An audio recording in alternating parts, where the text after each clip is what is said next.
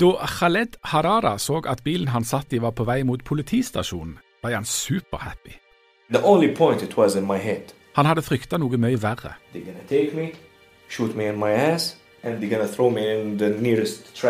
Han frykta at Hamas ville statuere et eksempel og vise hva som skjer med folk som driver på med djevelens musikk, like med rapp, i Gaza.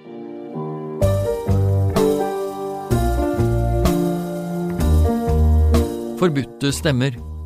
En podkast i fem deler fra Stavanger Aftenblad om kampen for ytringsfriheten.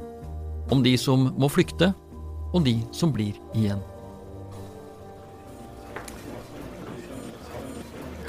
Ja vel, Finn. Hvor gammel var du når du fant ut at 17. mai ikke er en dag de feirer i alle land i hele verden? Egentlig så tror jeg det var i går, når jeg visste at jeg skulle til Göteborg. Men jeg var i hvert fall godt opp i 50-årene. Mitt navn er Jan Zahl. Det siste året har kollega Finn Våga og jeg reist verden rundt og besøkt folk som har kommet i trøbbel fordi de har gjort noe vi regner som helt selvsagt, nemlig å si høyt hva de mener om ulike ting.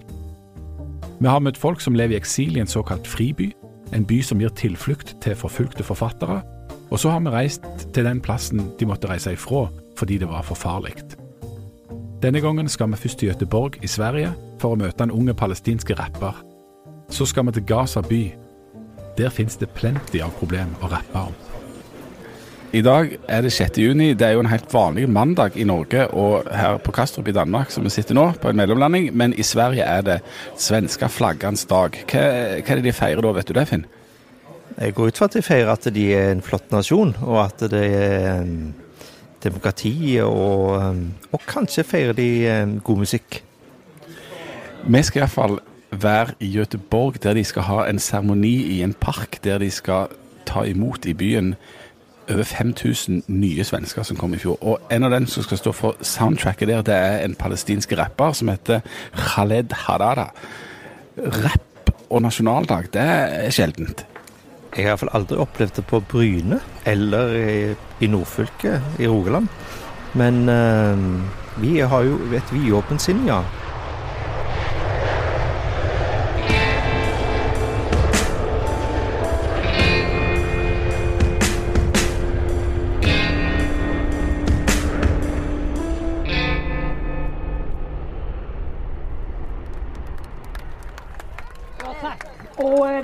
Allihopa. Välkomna alla ni som blivit svenska medborgare. Välkomna också alla ni andra, familj, släktingar, vänner som är med på den här festen. Vi er i Slottsskogen i Göteborg. Kommunen har pynta med grønne bjørkekvister med svenske flagg og gule og blå ballonger. Ordfører Ann Sofie Hermansson ønsker velkommen til alle de 3541 som har blitt nye göteborgere i 2015, og i dag så skal de feires i en egen medborgerskapsseremoni. De nye medborgerne skal feires med fika i det grønne, med korpsmusikk og flaggheising, med folkedans og svensk visetradisjon. Så skimrande var aldrig havet Heldigvis feirer ikke svenskene med fyrverkeri. For midt i denne svenske idyllen står palestinske Khaled Harada, og hans første minne er lyden av bombe. Derfor skvetter han hver gang han hører lyden av fyrverkeri, sjøl nå som 29-åring. When I hear fireworks, it's absolutely sounds like war. Khaled skal på scenen i Slottsskogen. Tidenes første fribymusiker skal rappe på svenske svenskeflaggernes dag. Problemet er bare at Khaled er sjuk. Feberen herjer i kroppen, han kjører på med strepsil som er Paracet, og nå håper han bare at stemmen holder. Khaled Harara from Palestina.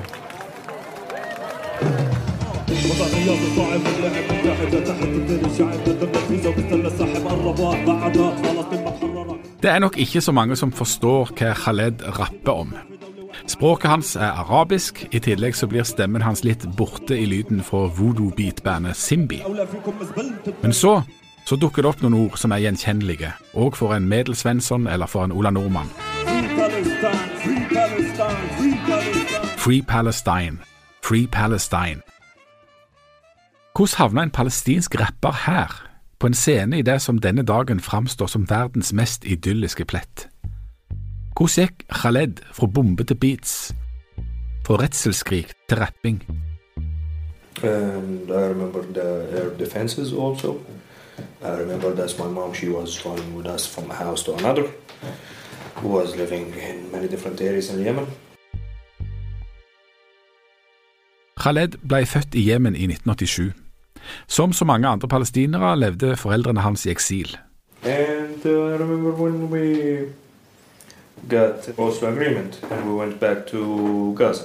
Familien flytta hjem til Gaza etter Oslo-avtalen i 1993, for nå, nå skulle alt bli så mye bedre i forholdet mellom israelere og palestinere. My dad and my mom, they are doctors, as I mentioned, but both of them, they are soldiers, was working with the Palestinian Authority, Yasser Arafat. Khaled kommer ifra en familie som støtta Yasir Arafat, og dermed Fatah og PLO, og nå dro de hjem for å hjelpe til i oppbygginga av palestinsk selvstyre i Gaza. Men sånn skulle det ikke gå. I Norge kjenner vi veldig godt til konflikten mellom israelere og palestinere, men vi kjenner ikke like godt til konflikten mellom palestinere, mellom Fatah og Hamas. Og sånn Khaled ser det, så lever ikke palestinerne bare under én okkupasjon. We are now occupation, inside occupation, inside occupation, inside occupation. Khaled mener palestinerne både er okkupert av israelerne og av seg selv og sine egne selvstyremyndigheter. You know what it was, the Israeli strategy? It's really.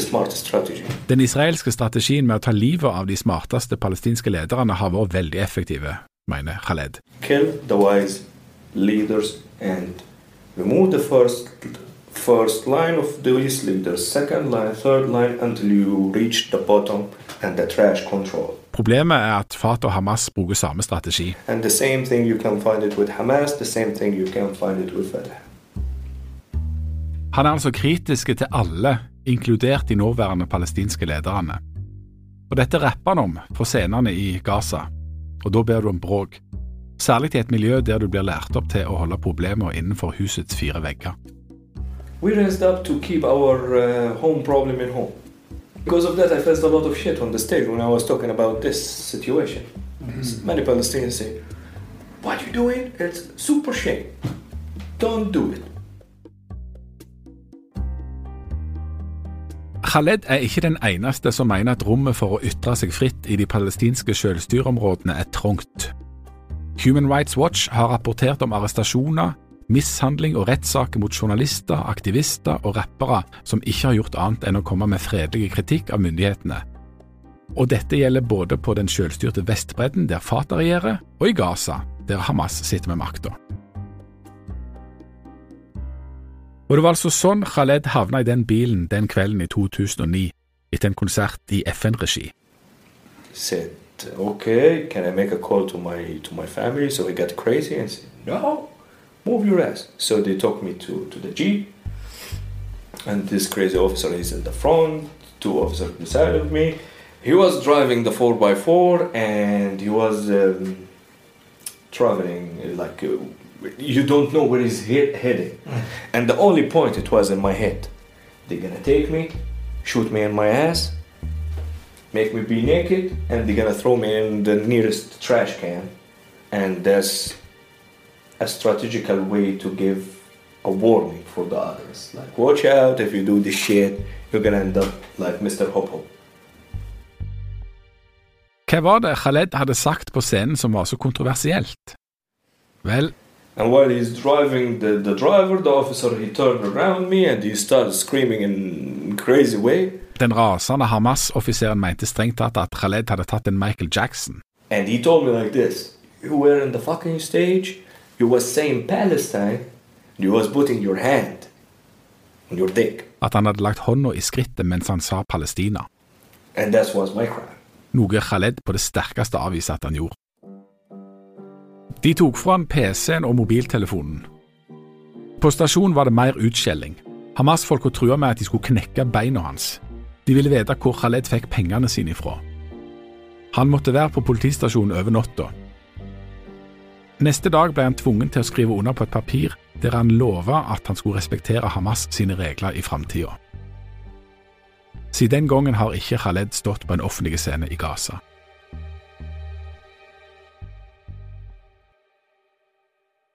I 2006 meldte faren Khaled inn i militsen på Fatahs side. Nå skulle gutten bli en mann.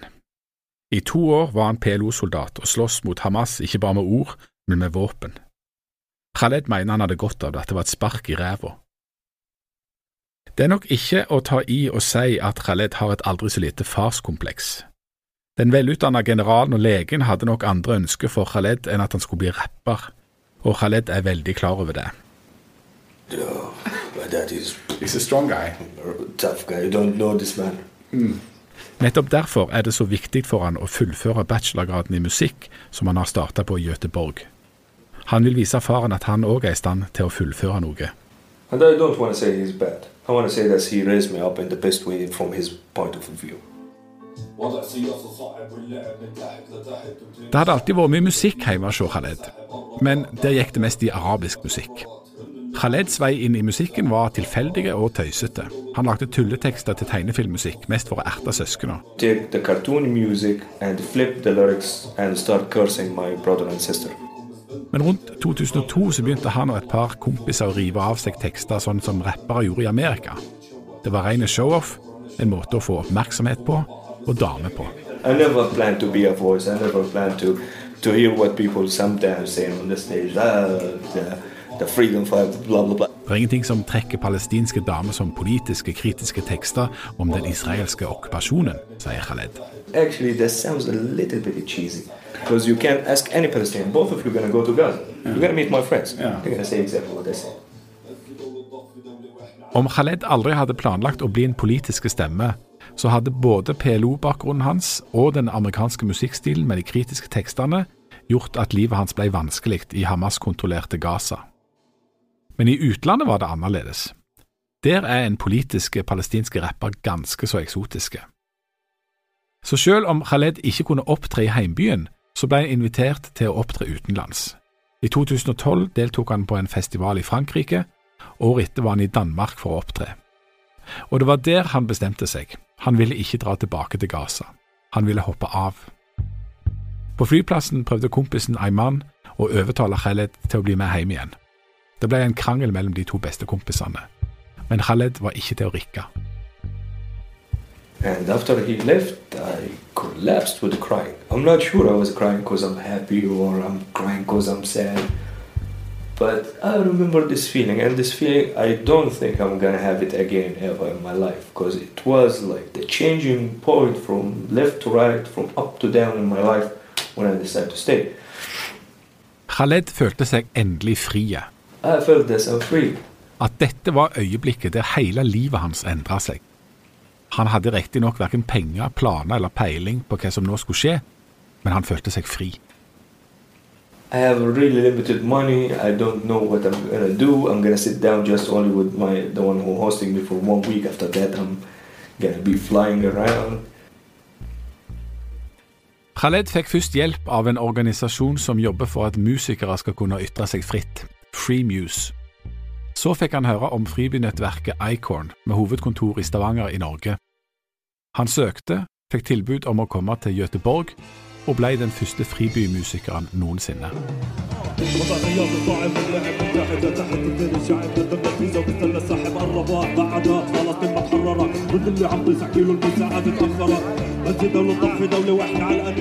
Men det er ikke bare enkelt å være frie.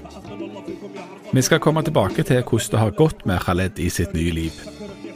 Men før vi kan gjøre det, så skal vi dra til Gaza for å finne ut hvordan livet er for rappepartneren som valgte å dra tilbake. Og så skal vi prøve å få tak i faren, den gamle generalen og legen som Khaled så gjerne vil at skal være stolt av han. Men aller først er det på tide å oppsummere møtet vårt med Khaled.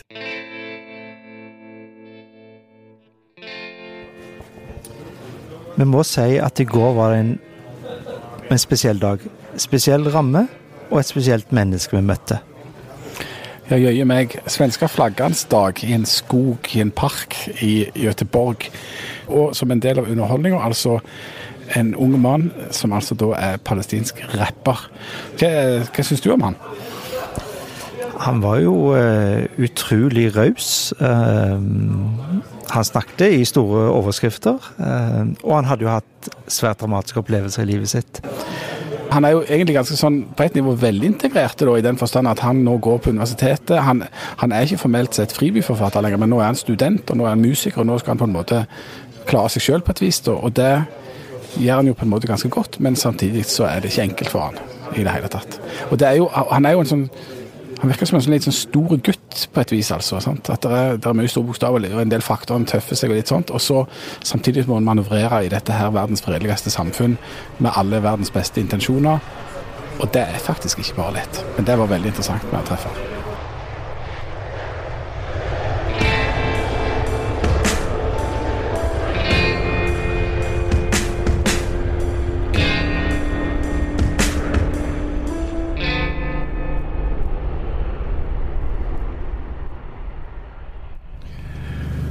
Ja vel, Finn. Eh, vi er på vei i en bil fra Jerusalem til Gaza. Hva tenker du om den turen? Ja, Først så eh, gleder jeg meg, men eh, samtidig så tror jeg det blir utrolig sterke inntrykk. Fordi Gaza er jo et eh, verdens største fengsel. Det er gjerder rundt hele Gaza, og der bor to millioner mennesker. Og vi skal gjennom en grenseovergang som både tidkrevende eh, og for de palestinerne som bor der, svært ydmykende. Eh, Hva Du var jo urolig før vi dro ut ned til Bangladesh. Der var det jo veldig fredelig, Jan. Eh, Er du urolig for Gaza? Det er merkelig, det der. Jeg vet ikke om det er fordi at vi har vært på tur en stund, og, og det viser seg når du kommer ut i verden at Altså, Det er jo farlig, men det bor jo folk overalt. Og i Gaza bor det to millioner folk. Og akkurat nå er det jo Det er vel feil ord å, snakke om fred sånn direkte. hvor for urolig er det. Men, men, eh, men det er ikke krig heller, helt. Eh, Men vi skal òg møte folk som driver med musikk, eh, bl.a. en rapper. Eh, Og han har òg en dramatisk historie å fortelle. Ja, vi skal jo inn og snakke med eh, en kompis av Hallet som vi møtte i Gøteborg. Eh, han driver den eh, skolen for unger, både gutter og jenter. Det siste er visstnok litt kontroversielt, da. Eh, som Khaled eh, drev på med. Eh, han har sjøl opplevd svært dramatiske ting, men i tillegg er han da altså en av pionerene på rappscenen i Gaza. Og rappscenen på Gaza, der trodde jeg aldri jeg hadde tenkt på noen skulle havne.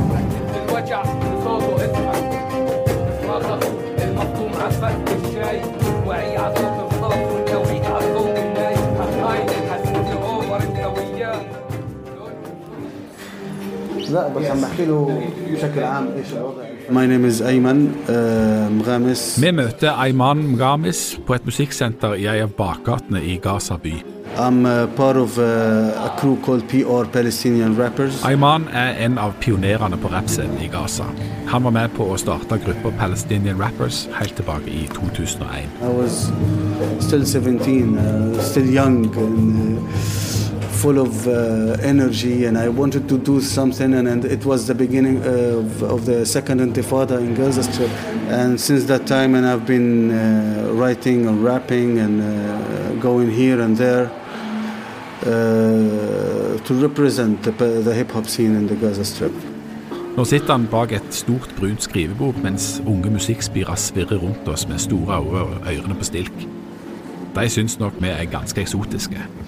Samtidig er det langt ifra første gang Ayman blir intervjua av utenlandske journalister.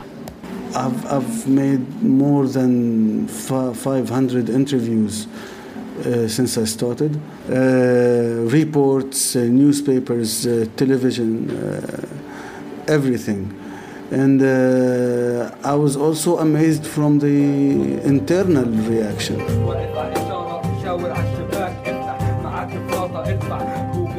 Mens folk utenifra syns at palestinsk rap er kjempespennende greie, så har altså responsen fra de som styrer på Gaza vært mindre begeistra, for å si det sånn. The, the, the, the external reaction was supportive, the, exter- the internal reaction was the opposite, which is confusing, you know. I'm, I'm trying to represent my people and talking about their agony, and they don't accept me. Hamas er ikke glad i rapp. De liker verken den amerikanske inspirerte musikken eller stilen, og definitivt ikke når det blir kombinert med kritiske tekster om livet i Gaza. Us as rappers, we are uh, like the, the, the, the tongue of the streets, and uh, we have to talk when we see something wrong. And uh, talking about something wrong is difficult. So in, in, in, in the Gaza Strip. Ayman livnærer seg av diverse småjobber. Han sier det er umulig å ha rapping som levebrød i Gaza. Blant annet sier du aldri kan ha konserter. Rapper. Og skal du i det hele tatt klare deg som rapper uten å bli tatt, så må du være veldig smart. Spesielt om du rapper om politikk. You need to be very smart with your songs if you are criticizing, if, if you are talking politics. And you are. Yeah, I, am I'm trying actually. I, I'm trying.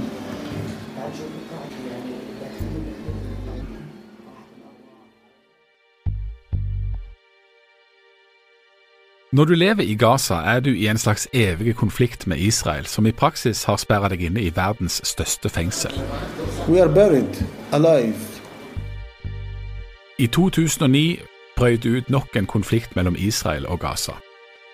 En av de israelske rakettene landa i leiligheten der Ayman bodde sammen med familien sin.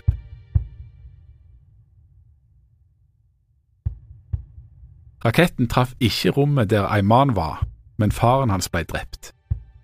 Ayman har altså på aller mest dramatiske vis opplevd hvordan det er å leve i Gaza. We're just breathing and standing in a line, waiting death. That's our life, exactly. Ayman valgte musikken som sin måte å protestere på, og det var her han skulle finne en partner i Khaled. Flertallet av kompisene deres fant mer håndfaste måter å protestere på. Most of um, uh, uh, young people at my age used to go to the borders, uh, throwing uh, stones to the uh, to the Israelis and stuff like that. But I was afraid of being killed as well. Uh, I don't want to get killed. I don't want to have a bullet in my body. Denne lyden her kjenner du. Be hurt. Det er lyden av Ayman sin mobiltelefon. Oh, it's Khaled. Det er Khaled som ringer. Yeah. På Sverige. Hello. Ask him about the father. يلا هاي خذ He wants to talk to you, so you ask him. Hello, Khaled. This is quite a coincidence. How are you doing? Vi har prøvd å få til en avtale med far til Khaled før vi kom til Gaza, uten å ha det helt i boks. Skal vi få dette til, er vi avhengig av at Khaled sjøl ordner et møte. Khaled har ikke nødvendigvis vært så veldig entusiastiske med tanke på at vi skal snakke med faren. Han virker litt nervøs for hva som kan komme ut av dette. Men nå sier han på telefon at han skal fikse det, at vi skal få snakke med generalen.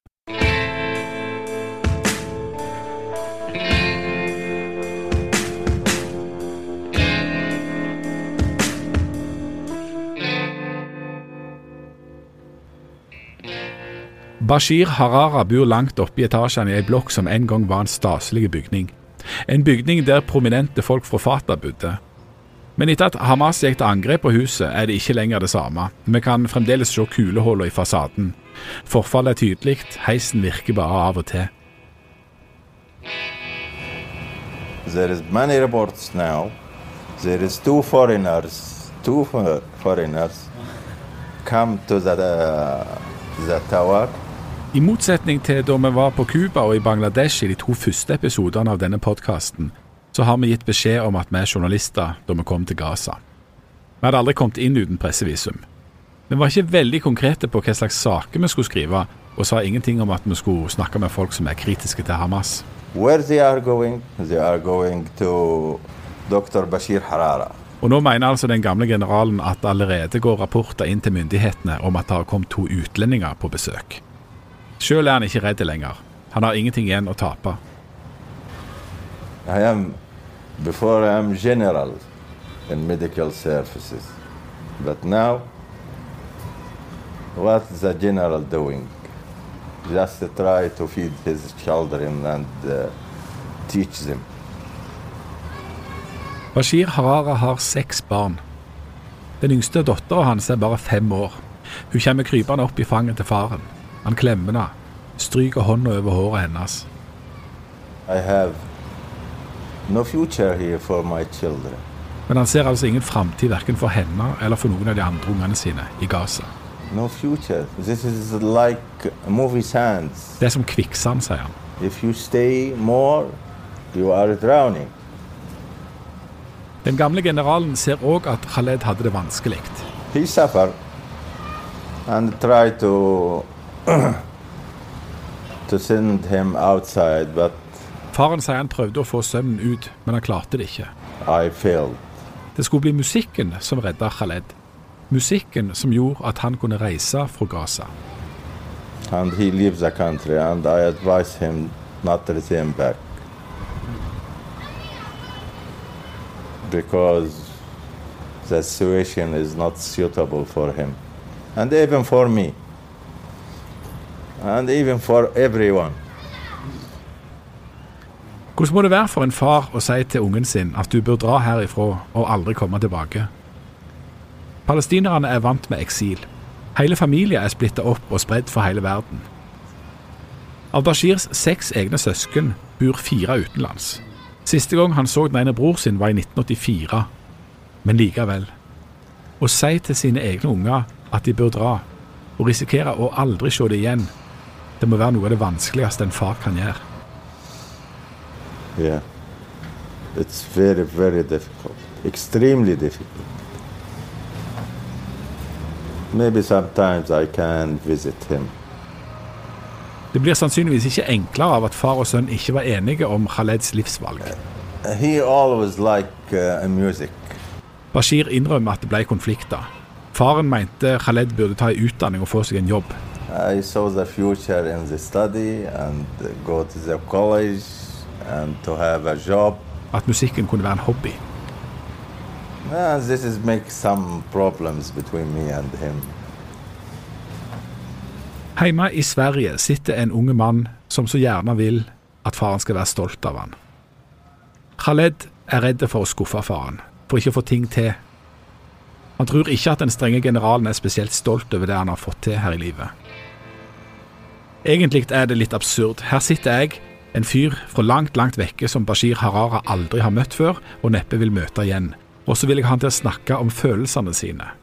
Nærmere bestemt om det som må være noen av de innerste og vanskeligste tankene han har. Fram til vi kommer til dette punktet i samtalen, har jeg vært usikker på om jeg kommer til å tåre å spørre om dette. Men jeg har ikke noe valg. Jeg skylder både Khaled og meg sjøl å finne ut hva Bashir tenker om sønnen sin.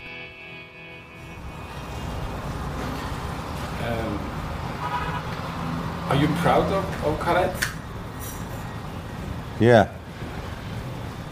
Yes, I am very proud of my son. He told me he trying to study there.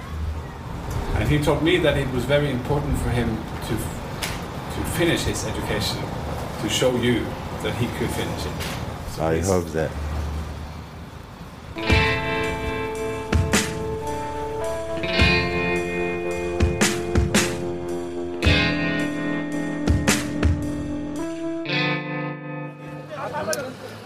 Nå står vi på Eres, grensestasjonen mellom Gaza og Israel.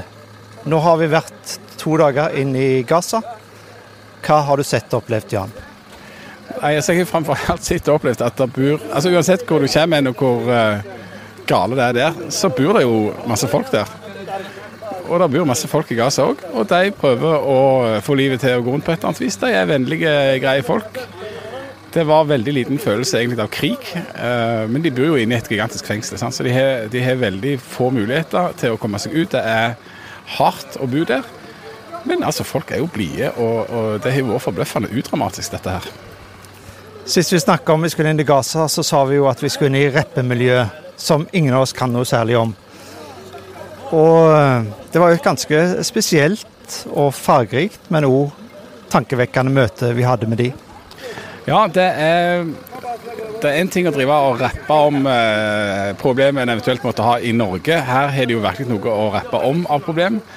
Og noe av det virkelig interessante her er at de gir seg ikke. Altså, de kan nesten ikke si noe kritisk om regimet her, om samfunnet her, for det blir tolka som en kritikk av Hamas og av Palestina.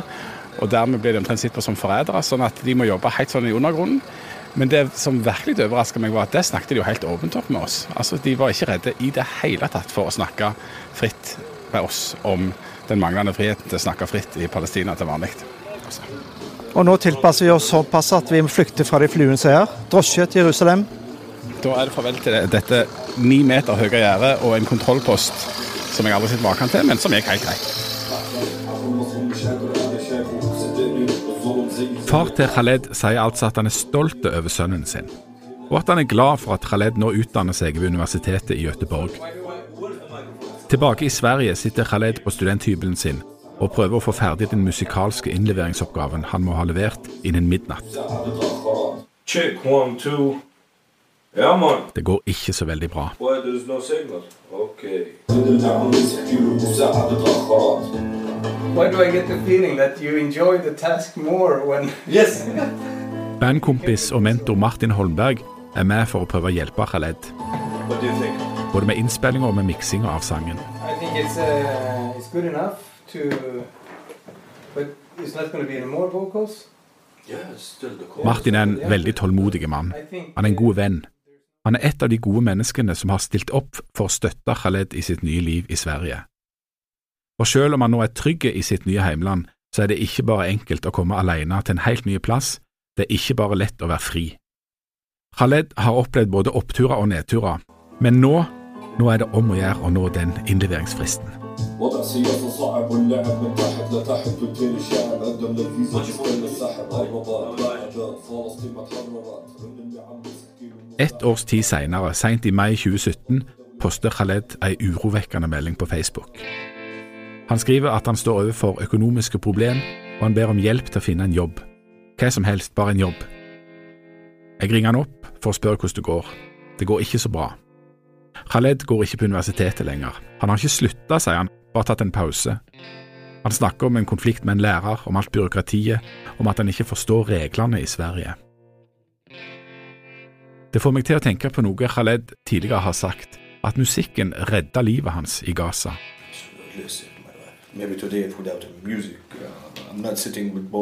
Jeg spør om han tror musikken vil redde livet hans i Sverige òg. Ja, svarer Khaled. Musikken har i alle fall redda meg så langt. But in, in a metaphorical way, or like in a Literally. literary way? Literally. På svenska flaggernes dag i 2017, 6. juni, på dagen ett år etter at vi møtte Khaled for første gang, så posta han en ny beskjed på Facebook. Grattis, Sverige, skriver han, og takk for alt du ga meg. Og til slutt et svensk flagg og et palestinsk flagg. Free Palestine, free Palestine, free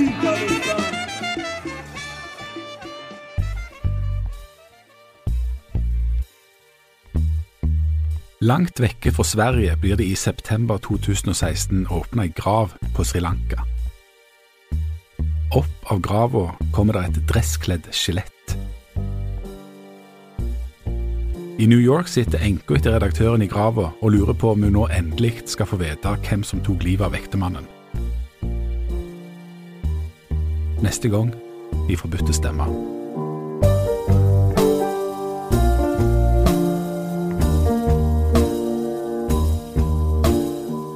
Forbudte stemmer er en podkast laget av Jan Zahl og Finn Våga. Redigert av Rune Vanvik, og musikken er laget av Geir Zahl og Simen Solli Skøyen. Prosjektet er støttet av Fritt Ord, og du kan lese hele historien på aftenbladet.no, eller i Stavanger Aftenblad. Som du forresten bør abonnere på.